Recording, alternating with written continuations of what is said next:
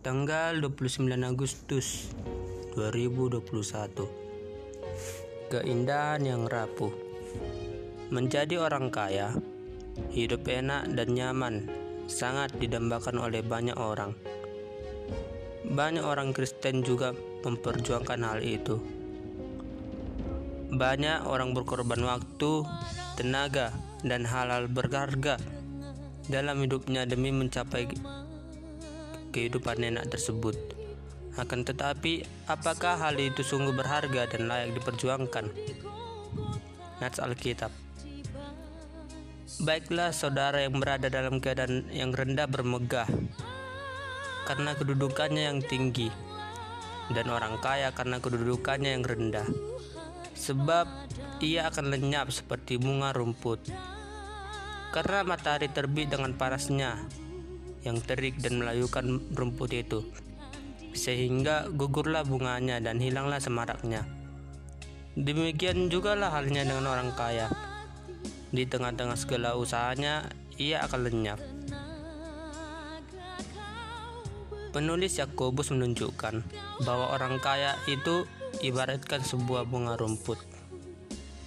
Orang kaya diibaratkan seperti bunga rumput yang terkena panas terik matahari dan membuatnya layu, sehingga gugurlah bunganya dan hilanglah semaraknya atau keindahannya. Seperti bunga rumput yang layu, demikianlah juga keadaan orang kaya. Di tengah-tengah segala usahanya, ia akan lenyap. Semarak orang kaya sangat menakjubkan, akan tetapi sekejap sirna. Dalam surat Yakobus ini tertulis banyak sekali orang yang memperjuangkan dan memberikan seluruh hidupnya untuk mengejar kekayaan. Bahkan mereka rela menindas sesama demi memperkaya diri. Banyak juga tuan tanah yang mengeksploitasi orang miskin di seluruh penjuru negeri termasuk di daerah Yudea dan Galilea. Bukankah hal ini masih terjadi sampai hari ini? Ada orang yang memanfaatkan kondisi yang buruk dan petaka yang dialami sesamanya untuk memperkaya dirinya sendiri. Hal demikian bukanlah merupakan ciri kehidupan umat Allah.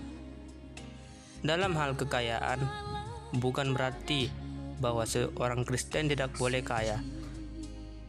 Kekayaan merupakan anugerah keindahan yang diberikan oleh Allah agar orang percaya mampu menolong orang lain. Namun pada saat yang sama, anugerah itu atau anugerah keindahan ini rapuh dan mudah lenyap. Allah tidak menghendaki supaya kita memberikan seluruh hidup untuk sesuatu yang rapuh itu, apalagi sampai mengeksploitasi dan menyengsarakan sesama kita. Allah menghendaki kita mengelola kekayaan untuk mengurangi kesengsaraan orang lain. Misalnya, memberikan upah pekerja dengan menerapkan prinsip kasih. Sudah semestinya kita memohon kepada Tuhan supaya kita dimampukan untuk meringankan kesengsaraan sesama, bukan justru menambahnya.